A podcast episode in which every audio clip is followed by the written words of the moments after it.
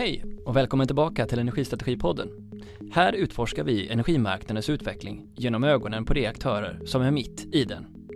Jag som delar intresset för bättre förståelse heter Niklas Sigholm. Louisa Orre är ansvarig för inköp, logistik och infrastruktur på H2 Green Steel, som i sin första utbyggnadsfas handlar om en smått otrolig 10 terawattimmar i elbehov. Och hon har uppgiften att se till att införskaffa volymen från marknaden. Och då talar vi alltså om nästan 10% av Sveriges nuvarande elkonsumtion.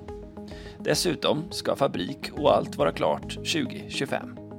Ja, varför anser hon då att det här behöver ske? Och är kunderna med? Innan vi börjar har en av grundinvesterarna, Kalle Lagerkrantz, beskrivit hur projektet drog igång i en podd med ny teknik. Den finns länkad i poddsammanfattningen. Kul att ha er med. Louisa Orre, varmt välkommen till Energistrategipodden. Tack så mycket. Vad kul att ha dig här. Och eh, du är då, kommer då från H2 Green Steel och vi har aldrig haft med er i podden tidigare. Vill du vara så vänlig och berätta lite om din roll och vilka H2 Green Steel är? Absolut. Eh, så jag är ansvarig för inköp, logistik och infrastruktur. Eh, och det täcker energiportföljen, råmaterial, projektinköp och inom infrastruktur så är det hamn, kraft, järnväg bland annat. Och H2 Green Steel, det är ett relativt nystartat bolag vi har som mål att eh, starta stålproduktion eh, av grönt stål uppe i Boden eh, och vi vill göra det så att vi uppnår en reduktion på 95% lägre koldioxidutsläpp. Det här är någonting som vi tror är väldigt viktigt för att accelerera omställningen av stålindustrin globalt. Vad innebär det? kan du berätta lite om investeringen? Mm. Så det är en investering på cirka 50 miljarder kronor som kommer att göras. Eh, det är ett eh, projektfinansierat projekt vilket innebär att eh, vi tar in både aktieinvesteringar och lån. Och I det fallet så blir det väldigt viktigt att visa att det finns en kundefterfrågan på våra produkter. Så att från tidig start och även bland våra aktieinvesterare så har vi flera deltagare i stålvärdekedjan. Och det är allt från bilindustrin, byggindustrin, stålservice centers men även tillverkare av viktig processutrustning för ståltillverkning. Eh, vi har sedan början insett att det här är inte någonting som en part kan göra själv utan det måste vara en kraftsamling med många olika aktörer eh, som kommer tillsammans för att ställa om en industri såsom stålindustrin. Är det här en självklar förflyttning för kunderna och varför? Jag tror att det, den viktiga utgångspunkten är att vi befinner oss i en klimatkris och det måste man tro på. Eh, och eh, vi ser ju att för att nå målen i Parisavtalet så måste vi agera nu. Eh, vi ser att eh, stål, eh, stålindustrin står för ungefär 8% av världens koldioxidutsläpp. Eh, och det är för att traditionell ståltillverkning använder kol för att reducera järnet i den processen. Eh, så det här är någonting som från ett kundperspektiv Eh, det driver snart faktiska kostnader i deras produktion. Eh, för att de kommer att börja betala för eh, utsläppsrättigheter för den stål som de köper in. Så att det kommer en efterfrågan därifrån att ställa om även sin produktion. Ja just det, och de är då också delvis inlåsta i gammal teknik då. Annars så hade det ju inte funnits den här luckan på marknaden att gå in och göra någonting annorlunda. Är det så man ska förstå det här också? Att förflyttningen behöver ske och det är inte överallt det kan ske. Stämmer det? Jag tror att det, eh, det kommer att ske i olika former runt om i världen. Men just nu så har Sverige en fantastisk möjlighet att ha en ledande position inom just grön ståltillverkning eh, och att visa hur man kan ställa om en tung industri på det här sättet. Eh, och det är tack vare förutsättningarna i Sverige. Och det är eh, tillgång till eh, viktig elinfrastruktur, energiproduktion, råmaterial och även en relativ närhet till den logistikinfrastruktur som sen eh, tillåter oss att transportera våra produkter till kunder.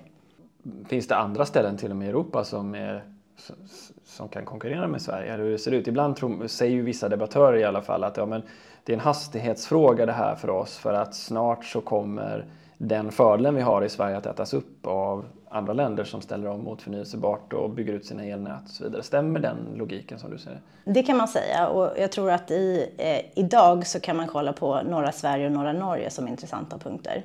Men allt eftersom kostnaden för solenergi kommer ner så blir södra Europa intressant också. Eh, och då är det till exempel Portugal och Spanien som är intressanta regioner. Sen är det ju såklart lite annorlunda. Där får man importera järnmalm till ett, som ett exempel. Men du har en annan närhet till kontinentaleuropa också. Vad är det för typ av core kompetens ni bygger upp? Vad är kärnkompetens för att lyckas och bli en stark spelare i det här segmentet? Hur beskriver ni det? Vi vill ju ställa om industrier och få bort koldioxidutsläpp. Eh, I den här processen så är vätgasproduktion enormt viktig. Och vi ser att vätgas kommer att vara det som är nyckeln för väldigt många andra vertikaler också. Och det kan vara aluminium, cement, ammoniak. Eh, så det är en väldigt viktig kompetens och där kommer vi att bygga eh, storskalig vätgasproduktion. Så det skulle jag säga är ett område. Sen är det att, att bygga projekt på ett effektivt sätt kommer också att vara viktigt. Inte bara för vårt projekt uppe i Boden men även för framtiden när vi kollar på andra regioner. Vi har ju sett att ni har kommit igång med bygget uppe i Boden och drönarbilder som visar på sajten och hur stor den är. Hur ser tidsplanen ut nu för ert projekt?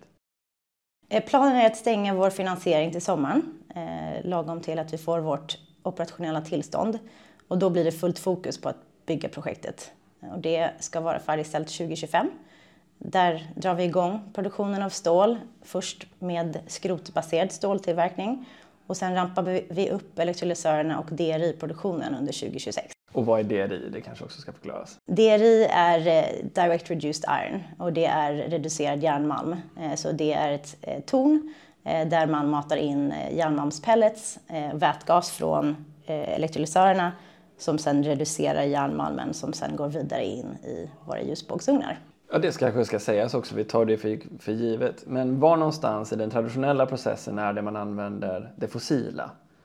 Kan du förklara det? Och, och vätgasen förstår vi, den ersätter den, men vad har den haft för funktion? Den har ju haft funktionen att den har kopplat till, om man tar järnmalm så den kemiska beteckningen är FeO.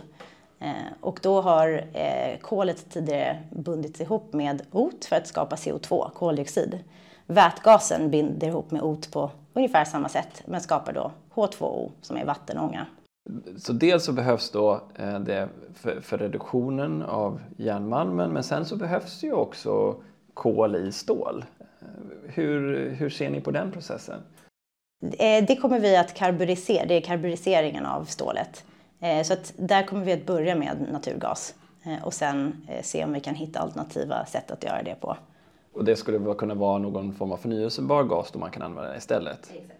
Och därav då också diskussionen vi hade med SSAB att de också måste titta på eh, biokolproduktion eller annan typ av avsättning. Är det någonting ni också är intresserade av i framtiden? Det kollar vi också på.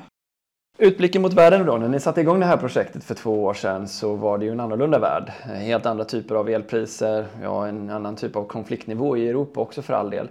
Vad har hänt med er projekt givet omvärldens förändring längs vägen? Har det förbättrat förutsättningarna och försämrat? Jag skulle säga att överlag så är det positivt. Och det låter kanske inte intuitivt men det har ju pekat väldigt mycket på vikten av att, eh, att ha en trygg elförsörjning i, i Sverige. Men även på ställt frågor kring råvaruförsörjning. Eh, det har också fortsatt att eh, diskuteras vikten att ställa om industrin. Samtidigt som de negativa aspekterna har varit just att elpriset har gått upp, räntorna har gått upp och som ett eh, projekt som är väldigt beroende av elpris och ränteläget så är det såklart att det leder till utmaningar. Men eh, i, helheten så ser vi att eh, vi fortsätter på, på samma bana som tidigare. Kan man säga att Ja, det har inte förbättrat kostnadsläget precis, men det blir tydligt att alternativen är värre. Är det... Ja, och, och, sen så kan man ju säga att det, det, finns en skillnad på kostnader som kommer att vara i vår operationella fas, eh, till exempel eh, el. Men det har också eh, under tiden påverkat först att stålpriserna har gått upp, men nu har de kommit ner igen. Så nu när vi är ute och köper stål för faktiska byggnationen av stålverket så, finns, så har marknaden lugnat ner sig lite där också. Men absolut, eh, det, jag tror att det, man kan sammanfatta på det sättet som du sa. Mm. Den här tidplanen är ju väldigt snabb. Vad skulle du säga är liksom nyckelfaktorer för er att lyckas med för att kunna hålla en sån här tajt tidplan? Om man tänker då tillgång till teknik, tillgång till kompetens, politiska förutsättningar och finansiella sådana. Vad skulle du säga, är alla lika utmanande eller, eller möjliga? Finns det något som sticker ut? Det första det är att ha en samsyn och ett tydligt mål. Det är för att det är en väldigt komplex, komplext projekt. Så det måste finnas en synk mellan vårt team internt och våra motparter. Att vi vet att det är det här som är måldatumet. Sedan är det erfarenhet också. Vi, vi har ju tagit in erfarenhet från personer som har byggt stålverk och DRI-torn. Eh, stålverk i, i Nordamerika, det är ritorn i Mellanöstern som har gjort det här förr och vet hur man gör det och vet hur man gör det på kort tid men till en hög kvalitet och hög säkerhet. Så att erfarenhet är väldigt viktigt också. Sedan är det viktigt att utmana. Eh, I många fall så har infrastrukturprojekt eh, letts i väldigt sekventiella processer. Eh, nu är det till exempel Svenska kraftnät ett exempel på en myndighet som börjar titta på parallella processer och, det hjälper väldigt mycket när det handlar om att göra projekt som inte bara är inkrementella utan där ambitionsnivån är något högre. Om vi, vi kommer säkert tillbaka till delar av det här, den här frågan, men om vi går över på den mängd energi ni behöver. Hur mycket är det och i vilka faser är det ni behöver energin? Till vår första fas, eh, och det är en fas där vi kommer upp i 2,5 miljoner ton stål, så kommer vi att behöva upp till 10 terawattimmar per år. Sen rampas det ju upp så det är inte alls lika mycket 2025. Upprampningen av elektrolysörerna och DR-tornet sker under 2026 så att vi kommer upp i den nivån mot slutet av eh, 26 och från 27 och framåt. Sen fas 2, eh, då kommer vi upp i cirka 4,5 miljoner ton stål och exakt hur vi gör det, det, har inte, det är inte satt i stenen. Eh, och det, det kan vara allt från att dubblera elektrolysörkapaciteten, lägga till ett DR-torn, öka stålprocesserna eller att bara fokusera på att öka de nedströms stålprocesserna genom att lägga till en ljusbågsugn eh, och inte eh, skapa ytterligare DR-produktion. Den här volymen, vi har tidigare pratat med aktörer om kösystemet. Ni var tidigt ute. Har ni, till, fått, har ni tillgång till det ni behöver? Eh, vi jobbar på eh, energiportföljen, att bygga upp den. Eh, och det är någonting som vi kommer att göra över tid fram till start av produktion. Eh, sen vad gäller effekten, det finns ingen punkt i Sverige som idag Eh, har eh, 2000 megawatt tillgängligt för att någon ska koppla på sig.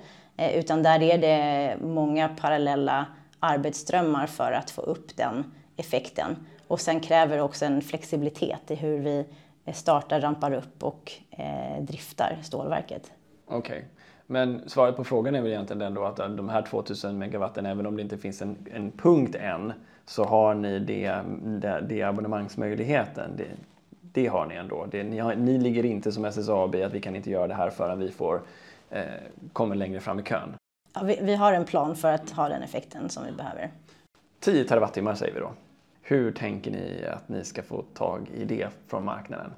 Givet att vi har sett att många långtidskontrakt på börsen har sinat och hur PPA-strukturen har sett ut har förändrats också. Hur bygger man en sån portfölj? Eh, det är ju eh, med eh, att ta det och bryta ner det i småbitar helt enkelt. Och det är någonting som vi, som sagt, vi bygger över tid. Målet när vi drar igång verksamheten är att ta 85 till 90 procent av nästkommande års Eh, volym säkrad. Eh, och vi har diskussioner med eh, elleverantörer och elproducenter både för baseload-el, vindkraft och det är klart, längre fram så kan det komma att bli relevant att, att eh, kika på, eh, på egen produktion, men inte i det här läget nu. Så ni har inga planer på att bygga egen vindkraftsproduktion för att försörja någon av sajterna nu? Just nu så är, är fokus att komma igång med verksamheten eh, och då eh, eftersom det här är ett projektfinansierat projekt så vill man inte ha ytterligare projektrisk på det. Så att vi, vi kommer att säkra elen som vi behöver från marknaden så som den ser ut idag och med den, de volymerna som kommer in på marknaden fram tills att vi drar igång också. Vad är din bedömning om hur mogen den marknad du möter är för att tillgodose den här typen av projekt? Om man nu tänker både på eh, Nasdaq OMX-börsen, de europeiska börserna, PPA-marknaden. Vad är din bedömning? Klarar man av att tillgodose ditt behov?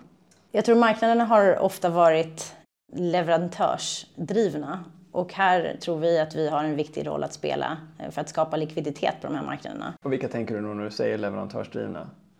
Elleverantörer, elproducenter. Vi, vi tror att vi med vår efterfrågan kommer att vara en viktig spelare att faktiskt handla volymer på Nasdaq, att vara en köpare av, eh, av PPR, att skapa den efterfrågan för att attrahera eh, nyproduktion eh, och mer likviditet.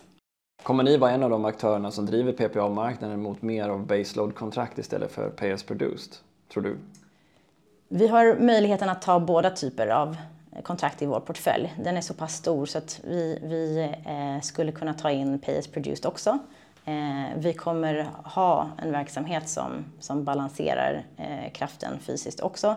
Eh, så att eh, vi kommer vara ganska breda i hur vi agerar på marknaden. Eh, det är tydligt att marknaden har rört sig mer mot pay produced de senaste åren. Eh, från, från vårt perspektiv så är det klart att vi minskar risken idag att, genom att ta baseload-kontrakt. samtidigt så kommer man till attraktiva pace produced PPR så kan det vara värt för oss också. Kopplingen då mellan det, de här 10 terawattimmarna är ju hela SE1s överskott och export. Eh, och den här utvecklingen har ju SVK pekat på också, att SE1 går från att vara ett ganska stort exportområde till att bli ett importområde.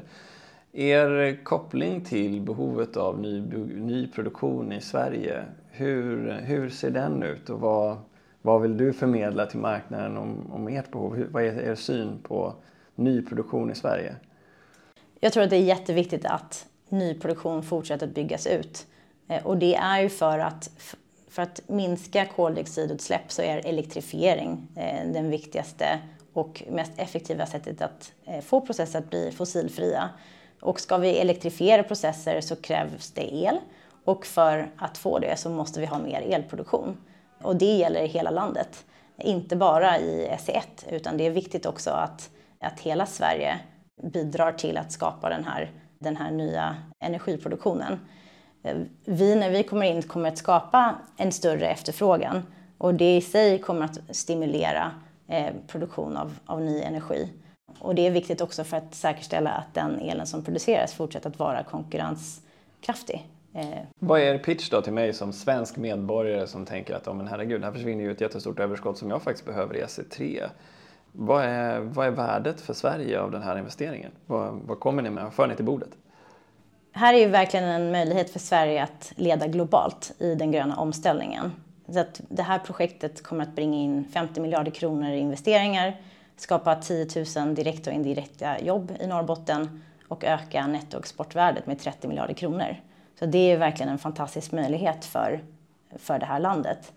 Eh, och jag tror att det, är, att det handlar om att alla i Sverige också måste eh, vara med och bidra till att eh, öka elproduktionen och vara, ha en öppenhet till det.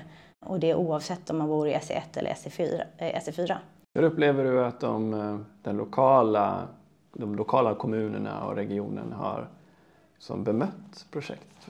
Hur upplever du att deras syn på det är?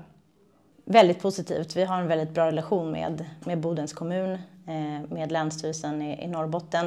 Eh, det är ju, vi har ju ett bra partnerskap med, eh, med Bodens kommun till exempel i, inom väldigt många olika frågor, bland annat kompetensförsörjning, energi och så vidare. Så att det, det har varit väldigt positiva dialoger. Så, så, så på det lokala planet så upplever du att där har inte varit debatt om vi ska göra det här eller inte. Den som finns i media delvis, den, den är, debatten är inte lika stor lokalt alltså. Utan där finns kopplingen mellan nytta och ja, förändring eh, mer tätt sammankopplat. Förstår jag rätt då? Ja.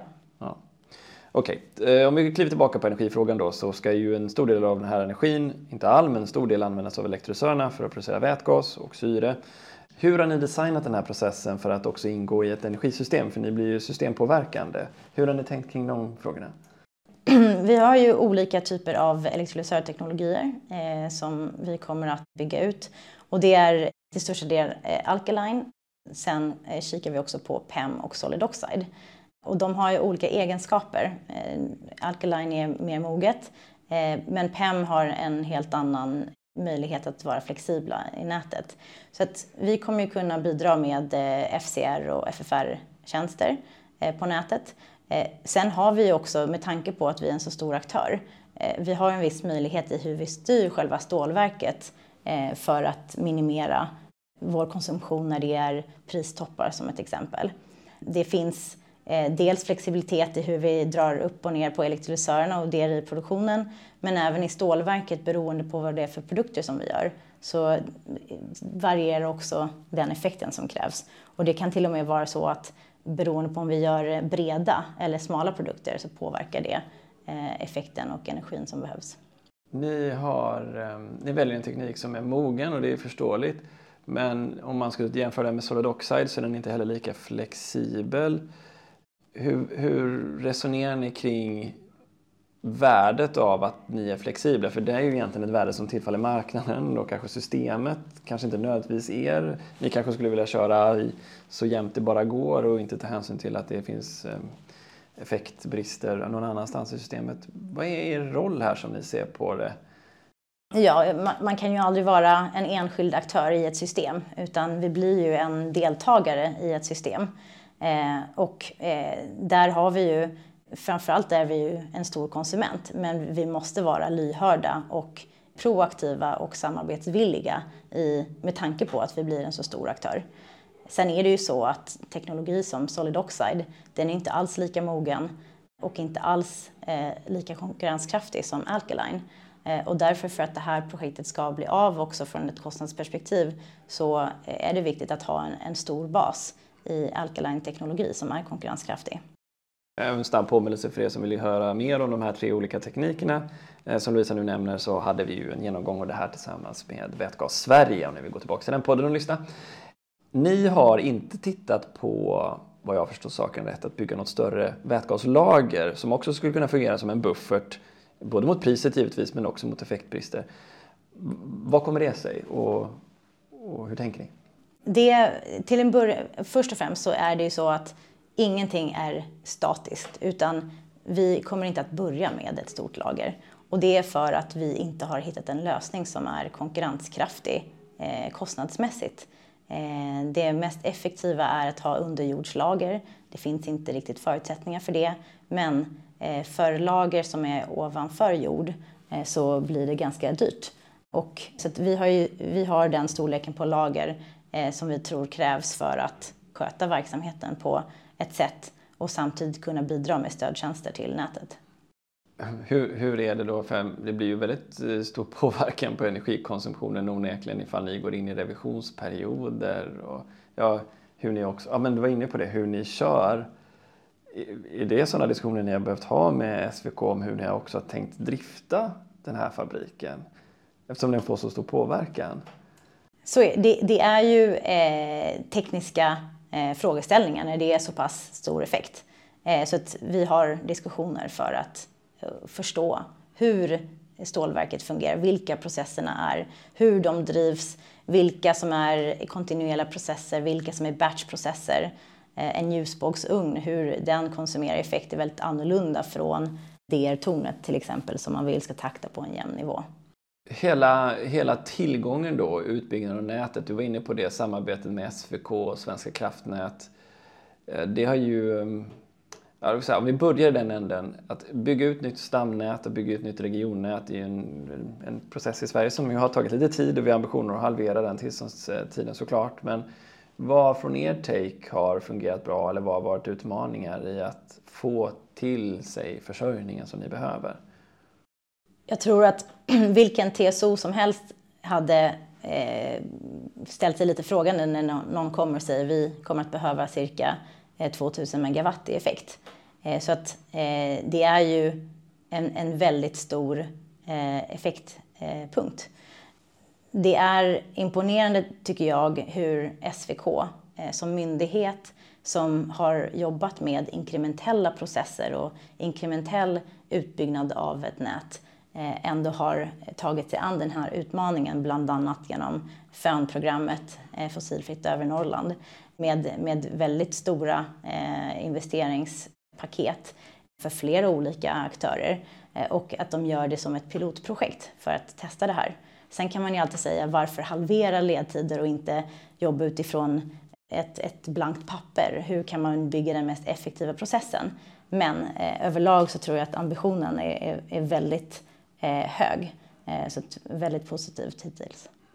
Det måste vara speciellt att både gå in och vara, eh, driva reform av myndigheter och, och statliga organ, ja, regionala sådana också för den delen, och samtidigt vara en så stor aktör.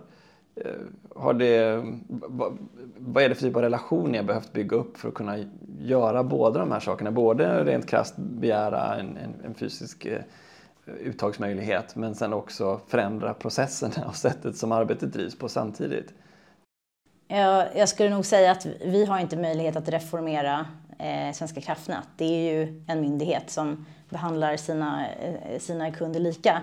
Sen är vi ju en ny typ av kundgrupp eh, som är en, en elintensiv industri. Och när det är så pass stort så blir det helt andra tekniska utmaningar. Så att jag skulle säga att det är snarare som, som ny kundgrupp och som kund som man kommer in snarare än att vi kan gå in och reformera processer. Men ert tillstånd gick ändå ganska fort relativt sett andra tillstånd. Någonting måste ju ha varit särskilt framgångsrikt hos er jämfört med andra. Vad skulle du säga att det har varit? Med tillståndet, och det tror jag att vi är väldigt stolta över, eh, var framförallt en dialog och samverkan som vi hade med eh, alla våra eh, motparter, intressenter, som ja, sakägare i processen.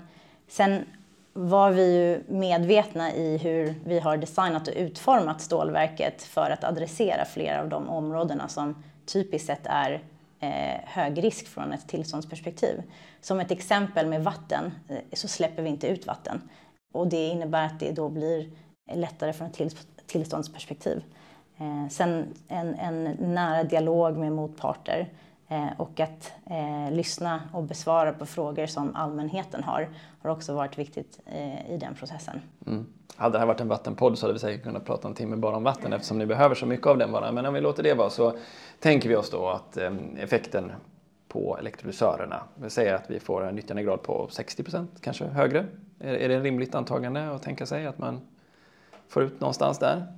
60 till 70 procent? Ja, lite högre spannet. Ja. Är det högre spannet? Mm. Ja, Okej, okay, men jättebra. Det blir ändå när vi pratar 10 terawattimmar ganska många terawattimmar över.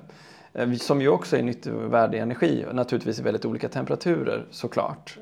Men hur tänker ni där kring cirkularitet? För att säga då att vi lågt räknat skulle ha 3 terawattimmar som ju inte kan nyttogöras i processen givet ändå då kanske reflektionen att det ändå är bättre än alternativet. Men ändå så blir det mycket energi över och jämför vi med Bodens kommun så kanske de behöver ja, men 200 till 250 GWh per år, bara en liten rännil av allt det som är kvar. Hur tänker ni kring hela den frågan om cirkularitet och energiflöden? Mm, det är en bra fråga och där har vi ju, eh, som du nämner, väldigt mycket kommer ut som, eh, som värme. Sen är det ju så att det inte är högvärdig värme utan en del av det kommer ner i, i ja, 45 grader till exempel och då blir det svårt att göra någonting av det. Så att vi håller på att kolla på det, vad det finns för eh, initiativ som, som vi kan ha för att utnyttja det.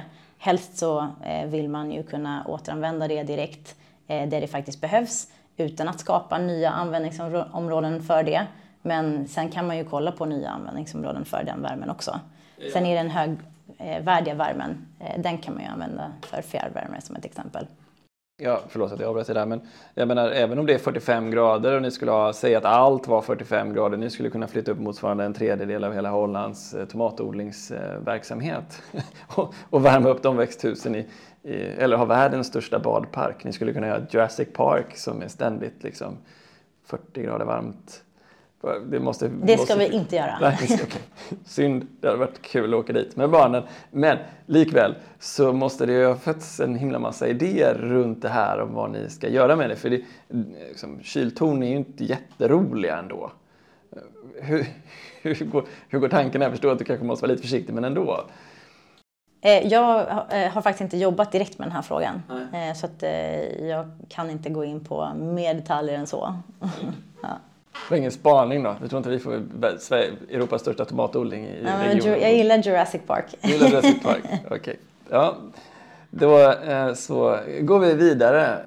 Vi har pratat då om sourcingen, vi har pratat om hur du får tag i det här rent finansiellt och vi har pratat om, om restvärmeflödena. Vi har ju inte pratat, du nämnde att ni kommer vara aktörer på både FCRD-marknaden och också på, vad sa du, FFR eller sa du FRR? Ja, eh, FFR. FFR.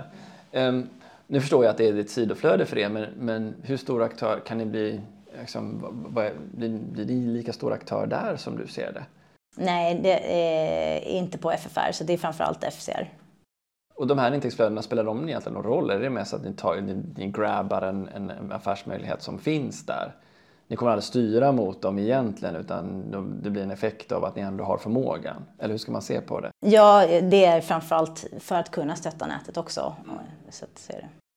Okej, okay. om, jag, om jag pressar lite mer på det här med kösystemet nu då så sitter ju en antal, vissa väldigt, och sätter koldioxidutsläpp, eh, aktörer och väntar på att också få tilldelning av effekt. Eh, där ju ni när ni gjorde en ansökan kanske inte kunde överblicka det. Men nu är vi ändå i en situation där det sitter en himla massa aktörer och väntar på att få tilldelning eh, där ni på sätt och vis har legat tidigt i kön. Hur ser du och ni på den situationen att det är så många som skulle behöva dela på den kakan som finns? Eh, å ena sidan så gynnar det inte alls att ni, att ni skulle lämna ifrån er så att säga för ni har er egen plan. Å andra sidan så har vi också ur samhällsperspektiv många ja, förändringar av eh, värdeflöden som också skulle kunna vara till stor nytta för klimatet. Hur ser ni på den relationen mellan att vara, om man får hårdra det, egoistisk och altruistisk i det här läget? Jag tror att systemet är ju till för dess användare. Eh, så det är det första. Sedan är det inte ett statiskt system med en begränsad maxkapacitet. Jag tror snarare att frågan är hur bygger vi ut nätet och elproduktionen så fort som möjligt. Och där krävs det ju att vi gör insatser i att säkerställa att det blir eh, enklare tillståndsprocesser, självklart i samverkan med alla intressenter. Men det är snarare där eh, frågan ska besvaras. Finns det sådana forum idag? Agon är ett exempel eh, i, eh, som, som vi deltar i, där det kommer in intressenter från alla olika perspektiv för att lösa det. Jag vet att det finns ett liknande initiativ Eh, i eh, Västra Götaland. Axel. Axel. Så att, eh, jag tror att det är ett exempel. Men sen så måste det också komma stöd politiskt för att satsa på det här och ge direktiv till att förenkla de här processerna. Det är inte rimligt att det ska ta 12 år att bygga ledningar. I, i allmänna ordalag då, vilket typ av ledarskap ser du att vi behöver i den här elektrifieringen som vi går igenom nu? Vad, vad hade ni mått bäst av ett ledarskap som vågar satsa på det här och inse vilken möjlighet det är för Sverige. Om vi vänder på det då, eftersom ni, du säger, berättar att ni har en internationell utblick, att södra Europa skulle kunna vara någonting, Spanien, Portugal, men även andra sajter i, i Europa. Hur beständigt är Sveriges konkurrensfördel som du ser det? Givet att ja, konkurrensen ökar. En sak som är en utmaning det är ju att eh, andra europeiska länder är väldigt snabba på att stötta industrier med bidrag. Eh, och det, där vill vi inte hamna eh, som land tycker jag. Eh, men det är någonting som man ska vara medveten om. Att här har vi en, en möjlighet och ett möjlighetsfönster eh, för att göra det på marknadsmässiga grunder. Och så det, det är en timingfråga också. Eh, det man inte vill hamna i att det bara blir subsidier som stöttar eh, solenergi i södra Europa och så vidare. Även om det såklart är positivt för omställningen i sin helhet. Så från ett konkurrensperspektiv för Sverige så tappar vi en chans om vi inte gör det här nu. Och är det också så då att du tänker att eh, elpriserna då inte heller på sikt som ni ser det bara är en konkurrensfördel för Sverige även om det har varit det historiskt? Exakt. Eh, och det, nu, nu, får vi se hur, eh, hur LCO1 för, för solenergi påverkas. Den är ju väldigt attraktiv i norra Sverige eh, och det är därför det har varit intresse för att investera i, i omställningen och, och börja i norra Sverige. Det är en av nyckelfrågorna. Ja, för många har ju från forskarsidan också påpekat LCO1 för solenergi i södra Europa, norra Afrika och alla länder som närmar sig ekvatorn såklart är otroligt tuff att möta för oss som är närmare polerna. Så ser ni samma sak? Ser ni sådana projekt växa fram där man kan trycka ner elpriset till väldigt konkurrenskraftiga nivåer i andra delar av världen? Ja, vi börjar se det. Ja, intressant. Men du är ju ansvarig för ändå en rätt så bred portfölj av frågor. Nu har vi ju berört energifrågan och liksom eh, sourcingen av den och hur ni ja, har ändå säkrat volymen så att ni vet vilket exportnetto ni kan skapa.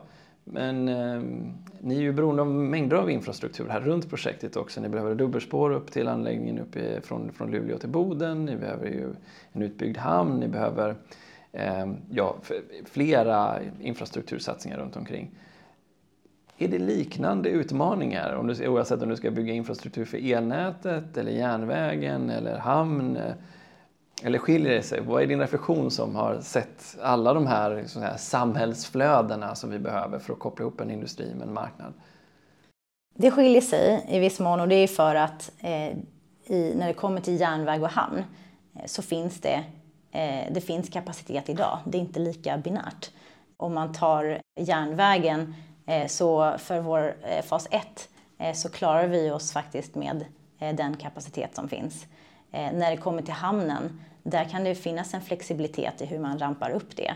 Eh, man, man kan vara lite entreprenöriell i hur man flyttar volymer och behöver inte ha eh, slututformningen på en hamnlösning direkt dag ett. Eh, när det kommer till effekten, eh, där behöver vi en viss nivå för att komma upp i vår maxkapacitet. Eh, så den, den, eh, den är lite mer komplex. Så effektfrågan, elnätsfrågan, tillgången på det är det som, som i mångt och mycket är den största knuten att lösa upp här ändå, även jämfört med andra? Från ett infrastrukturperspektiv, absolut. Ja. Okej. Okay. En spaning då också, nu ska ni ju göra eh, fossilfritt stål här och om jag förstår, säger ni hur mycket det är som har, ni har lyckats hitta, har ni hittat den avsättningen ni behöver? Är kunderna så på så att ni har kunnat säkra de volymer som ni behöver för en bankable feasibility study? Eh, vi har eh, säkrat 60 procent av vår eh, produktion i intentionsavtal som vi nu konverterar till bindande avtal. Men din spaning då kring vätgasen och vätgasens utveckling, för det här har ju också varit en debatt om vart energifrågan är på väg. Vissa eh, intressenter vill ju bygga vätgasledningar medan andra vill då hellre eh, ha elen som transport till vätgasproduktionen. Vad är er syn på det och sen i förlängningen då, hur tror du vätgasen kommer att användas i, i det framtida samhället? Vi tror på vätgasen som en eh, viktig del i en eh, industriprocess och inte som en energibärare. Eh, det är inte lika effektivt. Eh, sen, eh, sen, får vi se hur det utvecklar sig i termer av lagring och, och använda det eh, som, som ett storskaligt batteri men i, i grund och botten idag i alla fall med de förutsättningarna som finns så tror vi på vätgas i en industriell process. Och inte som energibärare. Ja, det, det, det, stänger ju gränsen ganska mycket till vad man tror vätgasen, eller ni tror vätgasen kommer att användas till. Men när ni skapar den här insatsen, insatsvaran som vätgasen är ju i, så är det ju bara en specifik process. Det finns ju flera andra. Du skulle kunna ha konstgödsel, du skulle kunna ha fartygsbränsle, hur ser ni på det? För ni, på något sätt och vis så blir ni ju väldigt tidiga att skapa en pusselbit som skulle kunna lösa många värdeflödens koldioxidproblem. Det är superintressant och det är eh, när vi pratar om nya projekt eh, i andra regioner eh, så tänker vi också på andra vertikaler. Så det är inte nödvändigtvis att det ska vara stålproduktion i alla andra regioner också. Ah, så att ni bygger en pusselbit och ni ser flera värdeflöden och behöver nödvändigtvis inte stänga någon av dem? Så är det. Men nyckeln blir då att ni klarar av att hantera en väldigt stor energiportfölj, att ni är duktiga på att också skapa eh, tillgången till effekten som ni behöver. Och det låter som att det blir en väldigt central kompetens för att bygga den här typen av projekt. Förstår jag det rätt då? Det stämmer. Det energi kommer i centrum för allt. Mm. Det är ju fantastiskt. Ja, ja okej, okay. men om vi rundar av det här nu då. Vad är, eh, det finns ju ett berg av utmaningar som ni har liksom tagit er an i det här projektet. Eh, och för all del så låter ni ju alltid positiva, den liksom den, det man hör och det kanske ligger i sakens natur. Men vad gör dig särskilt positiv nu? Vad är det som gör att du tror att det här kommer att lyckas? Det är fler faktorer. Det första är att kundefterfrågan finns. Det finns en faktisk vilja att ställa om. folk och företag och organisationer har börjat inse att nu, nu är det här en kris som vi måste lösa nu. Tekniken finns och investeringsviljan finns. Så att jag ser inte hur man inte kan vara optimistisk.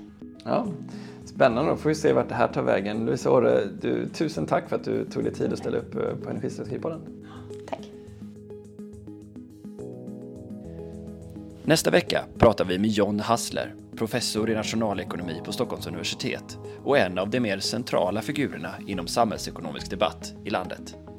Vad säger IPCC egentligen? Och vad är ett effektivt miljö och klimatarbete? Vi hörs!